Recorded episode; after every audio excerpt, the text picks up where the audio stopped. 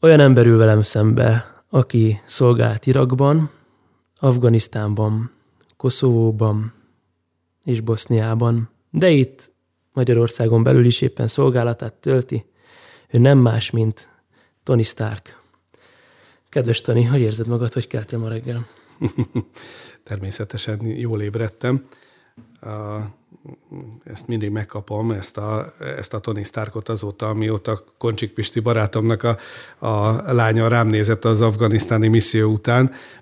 Semmi szándékos nem volt az arcszörzetem formájában egyszerűen csak úgy hagytam, és azt mondta, hogy tisztára olyan vagyok, és akkor elkezdődött tulajdonképpen ezzel kapcsolatban egy ilyen hullámzás, aminek egy indexes cikk lett például a vége, mert hogy más is felfedezte ezt a hasonlóságot, már így külsődleges hasonlóságot, már azért, hogyha nagyon őszinte akarok lenni, akkor nekem hát lelkileg, meg hozzáállásbelileg nekem inkább Amerika kapitánya szimpatikus. Mondtam is, hogy micsoda skizofrénia ez, Tony Stark külsejével és Amerika kapitány lelkületével élni. Ilyenkor törhet ki az emberből a, a zöld szörny a hág, úgyhogy ennyit szerintem erről a, erről a részéről a dolognak. Jól aludtam, hála Istennek pont eh, ahogy a beszélgetésünk megkezdése előtt is beszélgettünk, van egy kiváló új kanapénk, ami elég kényelmes ahhoz, hogy pihentető alvásokat tudjak rajta végrehajtani. Úgyhogy mm, éppen kipihenve jöttem.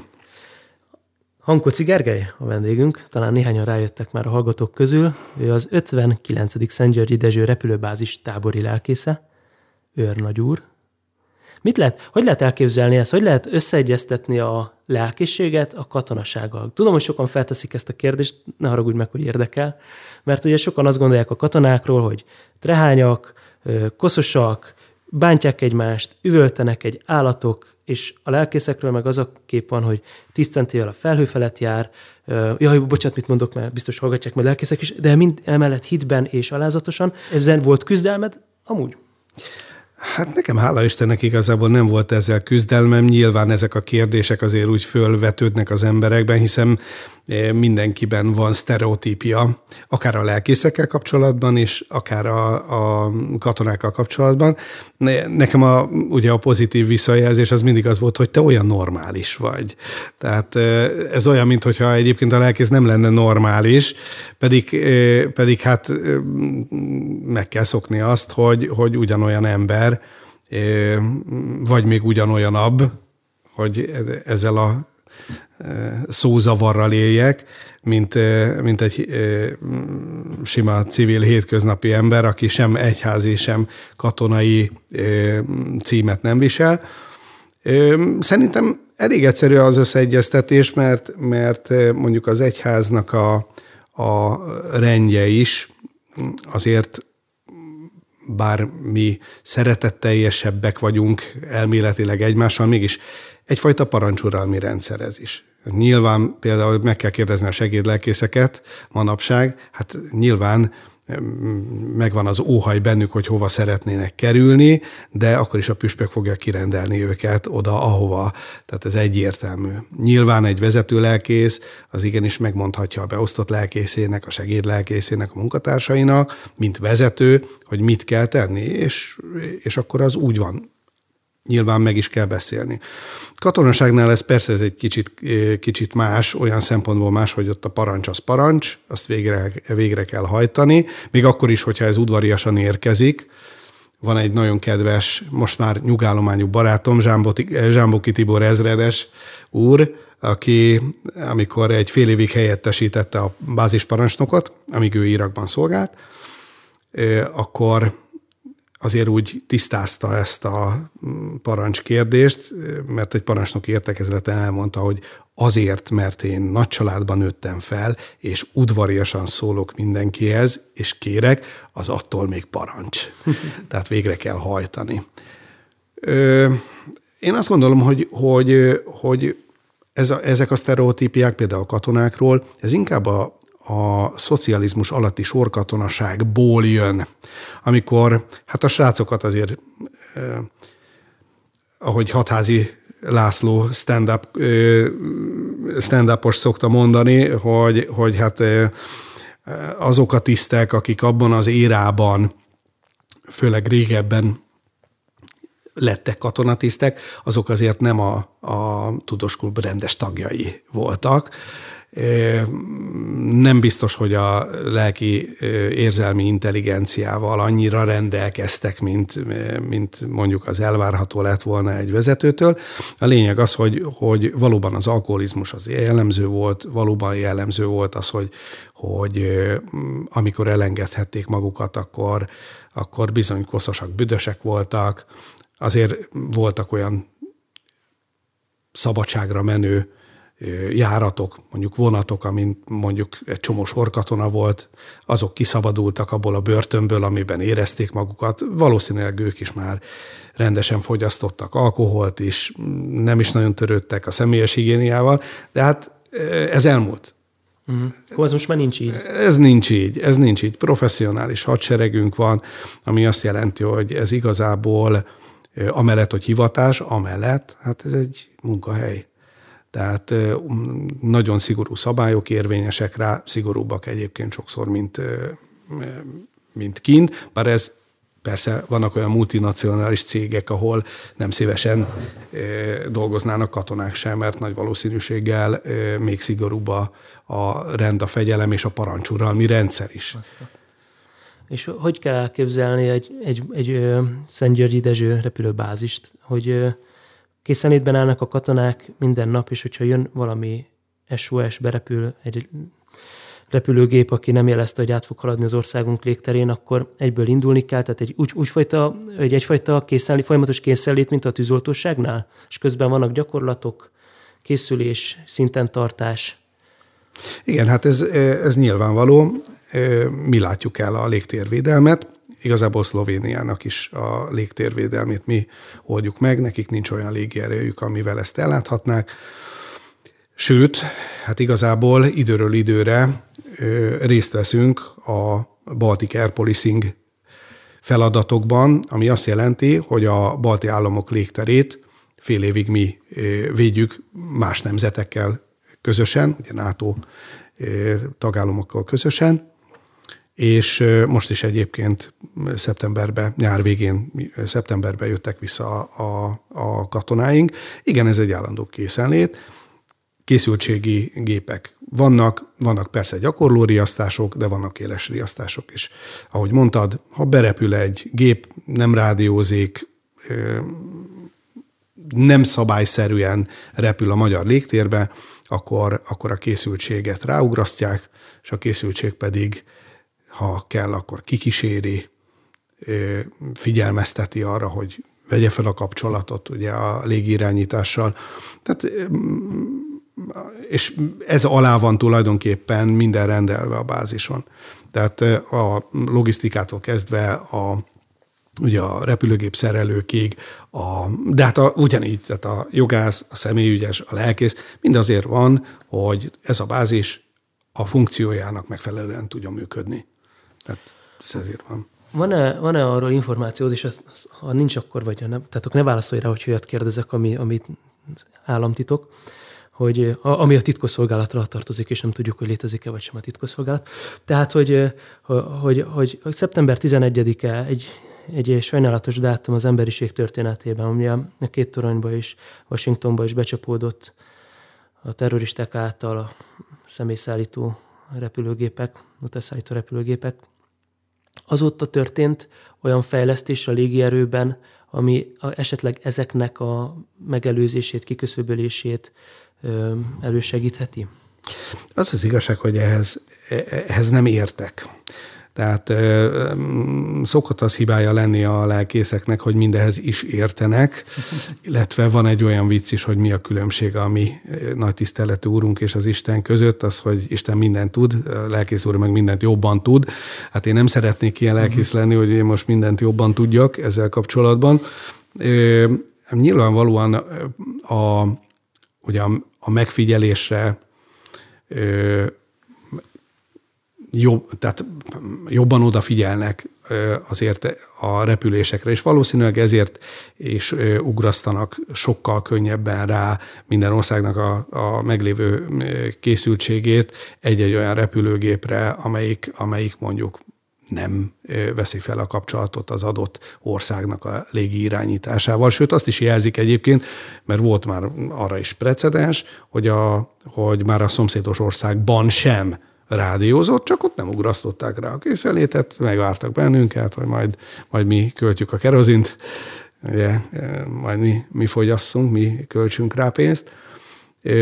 Nem jellemző egyébként, de, de volt ilyen is, ha jól emlékszem. És az a lényeg, hogy, hogy, hogy szigorúbbak azért a, a, ezek a biztonsági szabályzók, én úgy gondolom, hogy ha valamiben, akkor ebben volt fejlődés.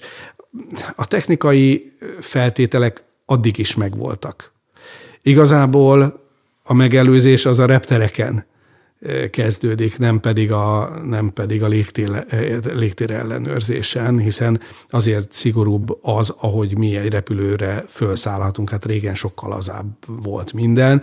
Emlékszem, Fábri Sándor még említette is, hát olyan szigorú volt az Egyesült Államokban szeptember 11 után ez a gépre szállás, és hát ez már a vegzatúrának a szintjére tudott menni. Én is tapasztaltam egyébként, 2002-ben pont Kanadában voltam kiképzésen, és bizony a kanadai reptéren, tehát a Torontóban is, hát azért nem volt egyszerű átjutni a, ugye a repülőgépig és akkor énekelte Fábri, hogy Hey Mr. Taliban, ugye, és azt mondta, nem ő volt a legnépszerűbb ember akkor a, a repülőtéren, Szóval igen, igen, szerintem itt kezdődik inkább. A, a hadsereg részéről, a légierő részéről, meg a technikai feltételek azok meg megvannak. Szolgáltál Irakban, Afganisztánban, Afganisztánban is, Koszovóban is, nem biztonságos környezetek. A katonáknak muszáj ott lenni és elvégezni a parancsot. Az a jelenléted az segított, hogy ott vagy lelkész, segít nekik mentálisan?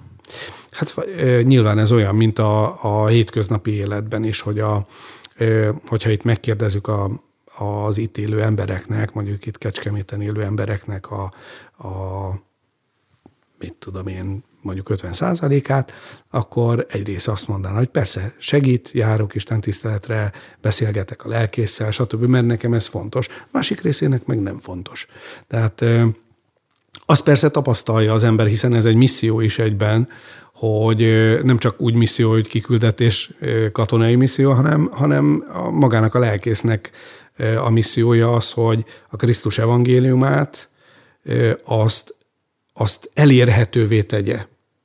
És ez az elérhetővé tétel, ez sokszor az van, amit Pál ír, hogy állj elő ugye az igével, akár alkalmas, akár alkalmatlan az idő. És hát igen, vannak olyanok, amik úgy érzi az ember, hogy hát ez lehet, hogy most nem alkalmas, de akkor is mondani kell. Tehát akkor is beszélgetni kell, akkor is igenis oda kell terelni a beszélgetésnek a, a, az útirányát, hogy, hogy, hogy elérkezünk oda, hogy, hogy, hogy hát akkor erre a problémára, vagy erre a kérdésre maga a názáreti Jézus Krisztus lesz majd a megoldás, amit majd ő, ha ő úgy dönt, ugye, ha valaki hisz ő benne, ugye, akkor ezt ő a saját életében megtapasztalja. Nekem tulajdonképpen egy postásnak kell lennem, egy szócsőnek, ennyi a dolgom ott, de ezt viszont meg kell tennem. Ezt el kell végeznem. És nagyon érdekes, mert, mert sokszor olyan emberek felé is tudok szolgálni, akikről én magam sem gondolom, hogy nekik erre mondjuk éppen szükségük volna, vagy éppen olyan lelki állapotban vannak, hogy, hogy, hogy ők segítséget kérnének. Úgyhogy hát ez az Istennek a különleges titka, hogy kit szólít meg, kit, mikor, hogyan, milyen körülmények között. Tényleg van, akinek elég annyi, mint Lévi Máténak, hogy jöjj, köves, köves engem, azt azt úgy, az a csodál, csodálatos, hogy egy szóra jön, aztán, aztán ott van Isten tiszteleten, Bibliaórán, és, és az életében változások történnek. Hát van, akinek meg, meg komolyabb történések vannak az életében, esetleg tragédiák is, hogy, hogy egyáltalán fölfigyeljen az Isten dolgaira. Éppen egy könyvet olvasok, aminek az a címe, Polvaser írta, hogy az evangélium hatalma és üzenete. És eddig, ameddig eljutottam ebben a könyvben, arról tesz bizonyságot Polvaser, hogy mennyire fontos az evangélium, mennyire nem szabad megmásítani, és hogy mégis mennyi helyen, Amerikában is az, az megtérést készfeltartással váltják ki, hogyha felteszed a kezed, akkor az úré vagy, és hogy felteszed a kezed, és sokan azt gondolják, hogy így már megtértek, tehát így elhigítják, széthigítják az evangéliumot, rossz, rossz lelkészek. És sajnos Magyarországon is egyre inkább látunk ilyet, amikor félünk nevén nevezni a gyereket az evangélium kapcsán, mondván, hogy még kevesebben jönnek el, meg jaj, szegény, ne bántsuk már, hogy már így is eléggé milyen rossz neki, hogy még elmondjuk az evangéliumnak, kihagyjuk az evangéliumból azt a részét, hogy igazából a bűnből mentett meg bennünket Jézus. És Jézus miatt szeret Isten bennünket, a bűneink ellenére, Jézus miatt, és ez változást hoz az életünkben, hogy, hogy ezt Irakban, vagy Afganisztánban, vagy a szolgálatot során kompromisszum késznek kell lenni egy ilyen kiélezett helyzetben, feszültségteli helyzetben, vagy az evangélium az evangélium és szent és értetetlen? E, én azt gondolom, hogy nincs hely. E, e, tehát ebben az esetben nincs hely a kompromisszumnak. Azt mondja a Szentírás, hogy aki más evangéliumot hirdet, az átkozott legyen. Galata 1, 6, 12. És azért, azért ez pontosan ugyanaz az átokmondás, mint amikor Izraelnek ki kellett mondania azokra a dolgokra, am, am, hogy, hogy átkozott legyen, ugye, amiket, amiket elsoroltak, hogy mik azok a bűnök, amik, amik tűrhetetlenek. Na most itt a kereszténységben a, a legnagyobb bűn az az evangéliumnak az elferdítése. A legördögibb dolog, mert hát a, ugye ezt a kezdő teológusnak is, de talán még a, a biblia órásoknak is elmondják azt, hogy, hogy ugye az ördög csak annyit változtatott az Isten parancsán, hogy egy kérdőjelet tett mögé, meg, egy, meg, meg ha ugye a magyar szöveget veszük, akkor egy betűn változtatott. Ugye a kert egy fá, egyetlen fájáról ne egyetek, ugye? Ez a jó és gonosz tudásának a fája volt, és akkor az ördög meg megkérdezte, hogy tényleg azt mondta az Isten, hogy a kert egyetlen fájáról se egyetek? Ugye? És ez pici a különbség, de mégis a végeredménye az tulajdonképpen a lázadást, az ember bűnesetét, elesését okozta. Tehát a, meg kell nézni a nyugat-európai egyházakat, felekezeteket. Sajnos látjuk azt, hogy kiüresednek. Miért? Mert tulajdonképpen azoknak, a, azoknak az emberi elvárásoknak akartak és akarnak megfelelni, azoknak a trendeknek, méghozzá azt kell, hogy mondjam, hogy lelki, filozófiai trendeknek, illetve politikai trendeknek akartak megfelelni, és akarnak megfelelni, amik mindenféleképpen elferdítik az evangéliumnak az üzenetét. Jézus Krisztus tegnap, ma és mindörökké ugyanaz. Ugyanaz. Az ugyanaz az azt jelenti, hogy nem változik. Tehát az üzenete sem változik. Tehát amikor azt mondják, hogy legyünk modernebbek, az, az éneklésben lehetünk modernebbek, mert, mert minden korszaknak megvolt a dallam világa. Nem feltétlenül baj az, hogyha, hogyha új énekeket éneklünk. Az viszont baj, ha, ha ezek az új énekek nem minőségiek. Ha a lelki tartalmuk az, az, az mondjuk nem ér fel a Genfi Zsoltároknak a lelki tartalmával, akkor haszontalannak találom, sőt károsnak találom, mert az, hogy ö, tulajdonképpen ilyen könnyűzenei számokat énekelgessünk, azzal a, az ürügyjel, hogy egyébként ezek Jézusról szólnak, ez nekem kevés. Sőt, számomra még irritáló is, mert, mert azt érzem, hogy hibás áldozatot viszünk az Úr elé. És azt, azt, azt nyilvánvalóan, a, a, még ha hálaáldozatról is van szó, akkor is hibátlant kell vinni. És a hibátlan az pedig az, hogy, hogy, hogy megvan mögötte az igényesség. Ez nem azt jelenti, hogy mindenkinek tökéletesen kell például énekelnie.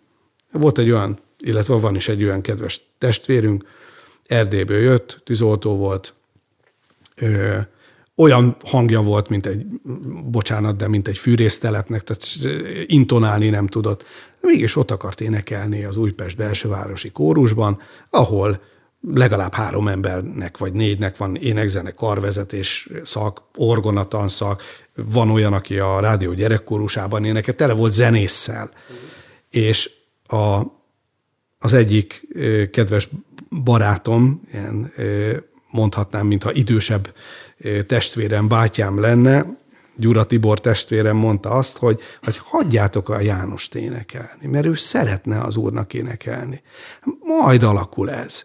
És tényleg az az igazság, hogy, hogy, hogy Jánosnak az a rettenetes hangja, hát az úgy kikupálódott, hogy teljesen elfogadhatóan normálisan énekelte a szólamát. Csak türelem kellett hozzá nyilván. Tehát nem, nem, nem elit, eliteskedni akarok ebben, illetve nem, nem akarok mondjuk ilyen egy, főleg azért, mert nem értek hozzá, tehát az ilyen egyház zenészek között is vannak ilyen pártok, hogy, hogy ki mire szavaz, hogy mit kéne énekelni. Nem, én ebben nem folynék bele.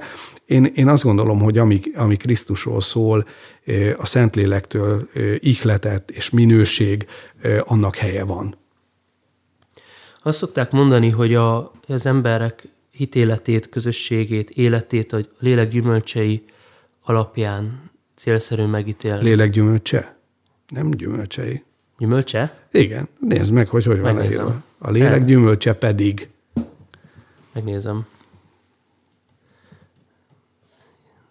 A Google rosszul írja már, na de itt tényleg igazad van, a lélek gyümölcse. Hát ezért ábrázoljuk. Én, én hmm. úgy kezdtem a, a gyülekezeti pályafutásomat, hogy elmentem egy ilyen vasárnapi iskolai szövetségnek a, a hát tulajdonképpen ilyen vasárnapi iskolát tartó kiképzésére, még nagyon-nagyon régen, még Cövek Oliver, Oliver bácsi tartotta, és az volt a, a, az egyik ábrázolás, hogy szőlőfürt. Az a gyümölcs. De attól még hát azon a fürtön több szem van. Tehát azért, bocsánat, aki uh-huh. javításért ez olyan lelkészes volt, de... Köszönöm. Mindig én szeretek tanulni meg, hogyha szembesítenek a hibáimmal. Ez nem a, hiba, ez csak... Tévedéseimmel, ez csak én ezt mindig szívesen veszem, mert én azt gondolom, hogy ebből lehet tovább lépni és tanulni. Na tehát a lélek gyümölcse. A lélek gyümölcse alapján megítélni egy közösséget, gyülekezetet, lehet-e, szabad-e, jogos-e egyáltalán úgy, hogy abban a közösségben ferdén tanítják, hirdetik az evangéliumot. Lehet-e annak a közösségnek gyümölcse? De azt mondják, hogy van. Most ez hogy van, hogy átkozott legyen, aki ferdén hirdeti, de mégis, mégis van ennek gyümölcse? Hát itt a hirdetőre, tehát a felelősség a hirdetőn van igazából. Tehát az, aki a tévtanítást tanítja. Tehát most gondol, gondoljunk név nélkül mondjuk egy destruktív szektára, akinek azért a, a, mondjuk benne van a tanításai között az evangélium. Akkor az evangélium akkor is meg fogja teremni a gyümölcsét, mert az evangélium evangélium marad. Hát emlékezzünk csak vissza a, arra, hogy ugye mit mond Kajafás, azt mondja, nem tudtok semmit, jobb, ha egy ember hal meg az egész népért, mint az egész nép egy ember miatt. És azt mondja, abban az évben Kajafás vala a főpap, és nem tudja valahogy proféciát mond. Ugye mi hisszük azt, kálvinisták, hogy Isten gonosz szolgáit is meg kell hallgatni, egyszerűen azért, mert ahogy Pál írja, akár színből, akár szívből a Krisztus hirdetetik, és én ennek örülök. Mert az, az Ószövetségben is le van már írva, hogy, hogy nem tér vissza dolga végezetlenül az én igém, hanem megcselekszi, amiért küldtem. Tehát az, az ö, ismerek olyan ö, nem tradicionális, nem történelmi egyházak, ö, illetve felekezetekbe járó embereket, akik megtért hívő emberek. Nyilván azokkal a tévtanításokkal azért, azért fer, fertőzve, amik, amik nem biblikusak, de például, például találkoztam olyannal is, aki konkrétan, mivel egy ilyen helyen tért meg, azt mondja, neki ez az anya gyülekezete. Elmondta, hogy mik a hibái. Azt mondja, de nem hagyom ott. Azért, mert nekem ez az anya gyülekezetem, és itt próbálom meg a magam környezetében felvetni azokat a kérdéseket, amiket én a Biblia alapján másként látok már, mint ahogy ez egyébként a gyülekezet tanításában szerepel.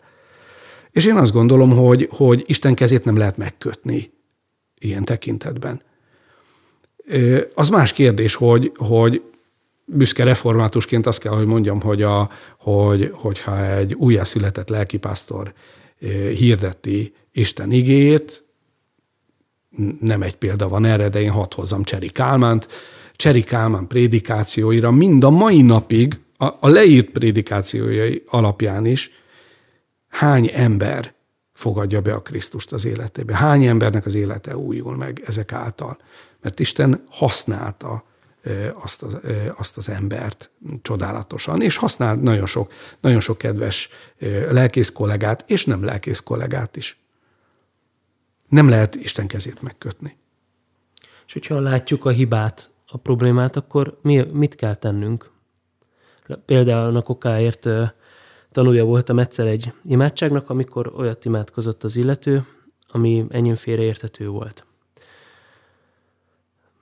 Azt imádkozta, hogy köszönjük Uram, uracsora vétel után volt, hogy jelen vagy a kenyérben és a borban. Na most ez lehet jó szívvel is érteni, hogy ő amúgy nem úgy gondolja, mint a katolikusok, de amúgy meg, amúgy meg én nem vagyok róla meggyőződve, ez pont az ökumenikus imahét utáni vasárnap volt. És én oda mentem szólni hozzá, hogy én igyekeztem kedves lenni, és nem, nem bántani, és nem is a személyével volt a bajom, hogy szerintem ez nem, nem volt így, így jó. És kérdésem ezzel kapcsolatban az, hogy nyilván ő ezzel megsértődött, meg nagyon megbántottam, pedig nem volt szándékomban, és utána bocsánatot is kértem tőle, de hogy, de hogy mi, mit, mit lehet ebben a helyzetben tenni? Hallgassuk el, ne menjünk oda. Hogy lehet ebből úgy jól kijönni, hogy a, ki lehet egyáltalán úgy kijönni, hogy a káposzta is megmaradjon, meg a kecske is jól lakjon? Nem biztos, hogy ki lehet így jönni. A, hogy is mondjam, van egy autókereskedő ismerősöm, aki mindig, mindig azt szoktam mondani, hogy csak a labda kerek. Semmi más nem kerek. A labda, az gömbölyű, a, a, de a, a többi az életben az nem. És ö, én nyilván most így elgondolkoztam azon, de hát utólag mindig az ember, meg főleg kívülről higgadtabb, mint az adott helyzetben, amikor hát nyilván az embernek elindítja egy ilyen imádság a gondolatait, és tereli emocionálisan, és nyilván, és azt gondolja, hogy most akkor mennem kell. Igen, egyébként menni kell, mert azt gondolja az ember, hogy, hogy valamiben a másik tévúton jár, akkor azt el kell mondani, de én azt gondolom, hogy itt talán egyszerűbb lett volna, vagy talán célra vezetőbb lett volna. Nem azért mondom, mert én nem hibázok, sőt, ajaj, talán a saját hibáimból is tanulva, hogy itt, itt inkább kérdések kellett volna indítani, az, hogy te, te hogyan, hogyan értetted ezt? hogy, hogy benne vagy. Mert, mert az imádságodban fölfigyeltem erre a mondatra, amikor együtt imádkoztunk, hogy, hogy ezt mondod, hogy ezt hogyan érted. Mert ez nagyon fontos, mert, mert nyilván a, a, az ember nagyon sokszor rossz kifejezést választ. Az imádságunk nem tökéletes, hát ugye le is van írva, amit kérnünk kér, ezt nem tudjuk úgy kérni, ahogy, ahogy az kell, hanem a Szentlélek az kimondhatatlan könyörgéssel könyörög értünk. Tehát igazából én azt gondolom, hogy, hogy mi a szavak szintjén is bénák vagyunk, vagy ha nem vagyunk bénák, akkor meg sokszor meg a, tényleg azt mondja, a, a, a szép szavak mögött meg sokszor meg nincs ott a lélek. Tehát azt gondolom, hogy, hogy, hogy itt talán a, a, először tisztázni kell, mielőtt mondok valamit. Tehát föl kell deríteni a helyzetet, hogy, hogy ő mire gondol. És tisztázni kell, és sokszor, sokszor az, ö, azt érzi az ember, hogy főleg kívülről nyilván, hogy én értem, hogy ő mit akar, azt is értem, hogy ő mit akar, de, de mint hogyha fordítógép kéne a két ember közé. mert nem tudjuk, hogy a másik miről beszél. És ahelyett, hogy megkérdeznénk, hogy, hogy te mire gondoltál valójában, ahelyett már rögtön a saját gondolatunkat, hogy ő mit gondolhat, az alapján formáljuk a következő lépést, a következő véleményt, és hát az nyilván az bizony meg nem értéshez, sértődéshez, akár eltávolodáshoz is vezethet. Azt jól csináltad nagyon, hogy bocsánat kértél, mert, mert tényleg az ember nem, nem szándékosan teszi ezt, az baj, ha szándékosan nyilván, de a bocsánat kérés és a megfelelő, tehát mindenki ezt mondja manapság, de ez igaz, a kommunikáció, a megfelelő beszélgetés, a, a, tényleg a másik gondolatainak a, a, a helyes megértése, ami a célra vezető ebben. És utána viszont kell mondani, mert hogyha, ugye azt is mondja a Szentírás, hogy aki cselekedhetné a jót, de nem, nem teszi bűne az annak. Tehát ha neked helyre kell igazítanod, hogy te figyelj, azért mi azt hisszük az ige alapján, hogy, és hogyha te így gondoltad, akkor az, az, az, az nem helyes, mert ezért hívtuk, hívta például kárhozatos bálványimádásnak, ugye Calvin azt a, ugye például a, a misét.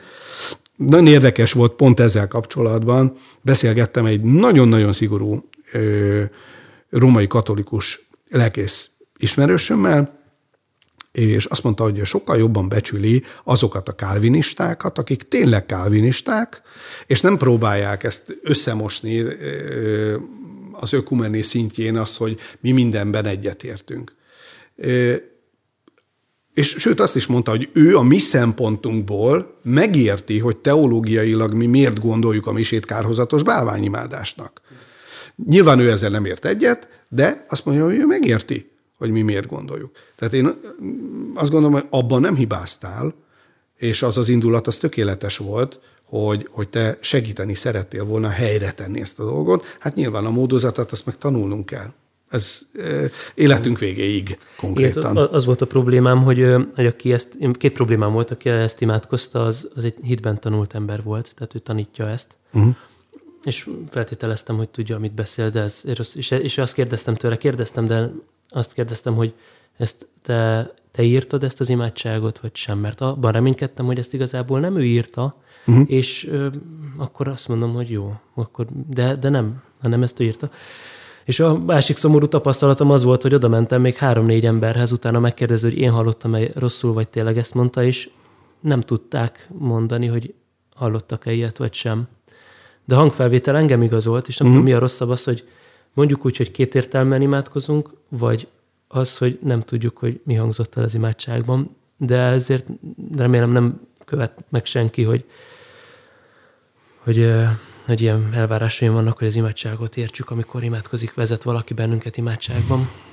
Hát ez, ez, ez egy nehéz kérdés azért, mert különböző lelki állapotba kerülünk oda az ilyen alkalmakra, és valamikor, amikor, amikor a közös imádság van, akkor az imádságot vezetőnek a szavaira egyszerűen nem tud odafigyelni az ember, mert tele van a a saját imádságával esetleg, vagy a saját gondjával, és egyszerűen neki az a, mit tudom én, az az egy perc, csendes perc, az mondjuk, mondjuk nem elég. Hanem, hanem már akkor elindulnak a, a gondolatok, és nyilván, amikor az ember a saját dolgaival van elfoglalva, akkor aztán nem tud oda koncentrálni. Nekem is egyébként fantasztikus tapasztalat volt az, hogy, hogy például, amikor az ember így odaszánja, ez egy tudatos döntés is valahol, az ember a figyelmét odaszánja ezekre a közös imádságokra, akkor, akkor sokszor sokszor nagyon jó így együtt imádkozni. De jó, hogy ezt mondta. Ú, ez most nekem nem így jutott volna eszembe, de milyen jó, hogy, hogy, hogy, hogy mondjuk a vasárnap a Nándi az imádságában ezt, ezt mondta vagy éppen a, a ú, de jól fogalmazta meg ezt a Józsi, mert hogy, hogy, hogy, hogy, hogy nekem pont erre a kifejezésre volt szükségem, hogy, hogy ezt így magamban is megértsem, hogy, hogy, hogy mit szeretnék az úrnak mondani. Tehát, de azt gondolom, hogy ez, ez, ez szinte tényleg lelkiállapottól, meg elhatározástól is függ, hogy, hogy az ember képes-e nem mondom, hogy baj vagy nem baj. Inkább azt mondom, az a baj, hogyha egyáltalán nem tud az ember imádkozni, hanem, hanem csak ott van csüggettem, vagy ott van kemény szívvel, az az igazi baj. Az baj, hogy, hogyha egy tanító kétértelmű, nyilván, az, az nem jó. Az a jó, ha ezt tudja tisztázni, nyilván. Főleg annak, aki erre figyel. E, az, az is egy lelki állapotot jelez egyébként, hogyha az ember megsértődik. Nagyon sajnáltam, mert nagyon kedves volt, és nagyon aranyos volt, és nagyon sajnáltam, hogy megbántottam őt ezzel, kvázi túlzás, hogy ezt mondom, megöltem, de így tudom átvezetni a következő kérdésre a mondandómat, hogy tudom, hogy gyakran feltették neked ezt a kérdést, hogy Krisztus meg a pisztoly, hogy fér meg egymás mellett. Ne őj. Hát ezt elmondtam a, a végül is a, abban a cikkben is, ami készült ugye a református oldalon, a, a parókia portálon. parókia portálon, hogy, hogy igazából a, amikor megtérnek a katonák keresztelő Jánosnak a prédikálására, akkor megkérdezik, hogy hogyan tovább.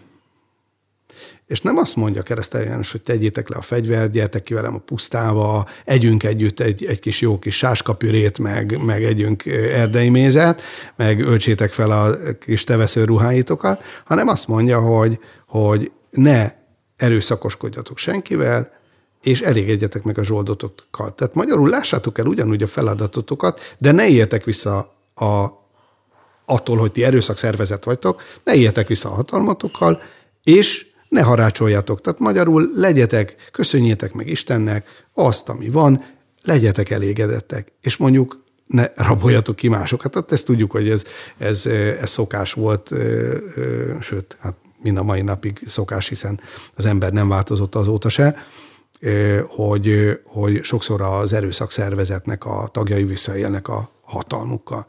Ugye, hogyha ez a nevű parancsolat, ugye ez ugye Mózes hirdette ki, olvasta föl az úr parancsolatait, na most, hogyha, hogyha ez arra vonatkozott volna, hogy ne, ne olcs ki emberi életet, akkor már a zsidók nem mehettek volna be az ígéret földjére. Tehát honfoglalás nem lehetett volna. Nem védhették volna meg magukat. Akkor, akkor mi nem védhetnénk meg a szeretteinket. Tehát ez nem erre vonatkozik. Ez, a, ez, ez arra vonatkozik, hogy ne legyél gyilkos. És ez, ez nem azt jelenti, hogy, hogy, hogy például te ne legyél honvédő. Tehát a rád bízottakat például ne véd meg ez nem jelenti azt. Tehát, hogyha belép, betörnének egy afganisztáni támaszpontra, és nálad, nálad van gondolom a pisztoly, lőnél. A, főleg, főleg, mikor Igen. áttámadnak. Akkor. Igen, tehát ezt, ezt is elmondtam, hogy, hogy, hogy hát azért tőlem pont ezt kérdezték a, a srácok, amikor Afganisztánba mentünk, de, de megértettem ezt, azért kérdezték tőlem ezt a neői parancsolatot, mert, mert egy kocsiban, amikor ül az ember, és viszik, akkor, akkor én vagyok a VIP, tehát a, a, az a személy, akit, akit meg kell védeni. Na most, hogyha ez a személy csak ballaszt a kocsiba, tehát egy, egy, egy nehezék, aki ráadásul még a védekezést is megnehezíti, akkor a, az tulajdonképpen a katonák életét veszélyezteti maga körül. Na most én meg mondtam nekik, hogy, hogy mivel, mivel én felesküdtem arra is, hogy a rám bízottakat megvédem az életem árán is, ezért, hogyha azt látom, hogy, hogy valaki bennetek kárt akar tenni, és én meg tudom ezt akadályozni, akkor nem fogok habozni, használni a fegyvert. Nyilván a, azt, amikor te kioltasz egy emberi életet, akkor, akkor neked ezzel együtt kell élned, és nyilván neked ezt az úr kezébe ugyanúgy le kell tenned ennek a terhét. Láttam én nagyon kemény embereket, olyanokat, akik, akik egyébként tényleg nagyszerű katonák, fegyelmezettek voltak, izmosak, bátrak, stb. Láttam olyanokat, akik, akik miután átestek a tűzkeresztségen, és úgy, hogy tudták, hogy kioltottak életet, hogy bizony ez olyan súlyt helyezett az életükre, amit, amit csak úgy tudtak elviselni, hogy, hogy tudták, hogy, hogy velük volt az Isten. Mert egyébként, egyébként látszott, hogy, hogy azért ez a súly nagyon keményen nyomja a vállukat. Attól függetlenül, hogy az a helyzet például, amiről beszélek, az az volt, hogy vagy ők, vagy én.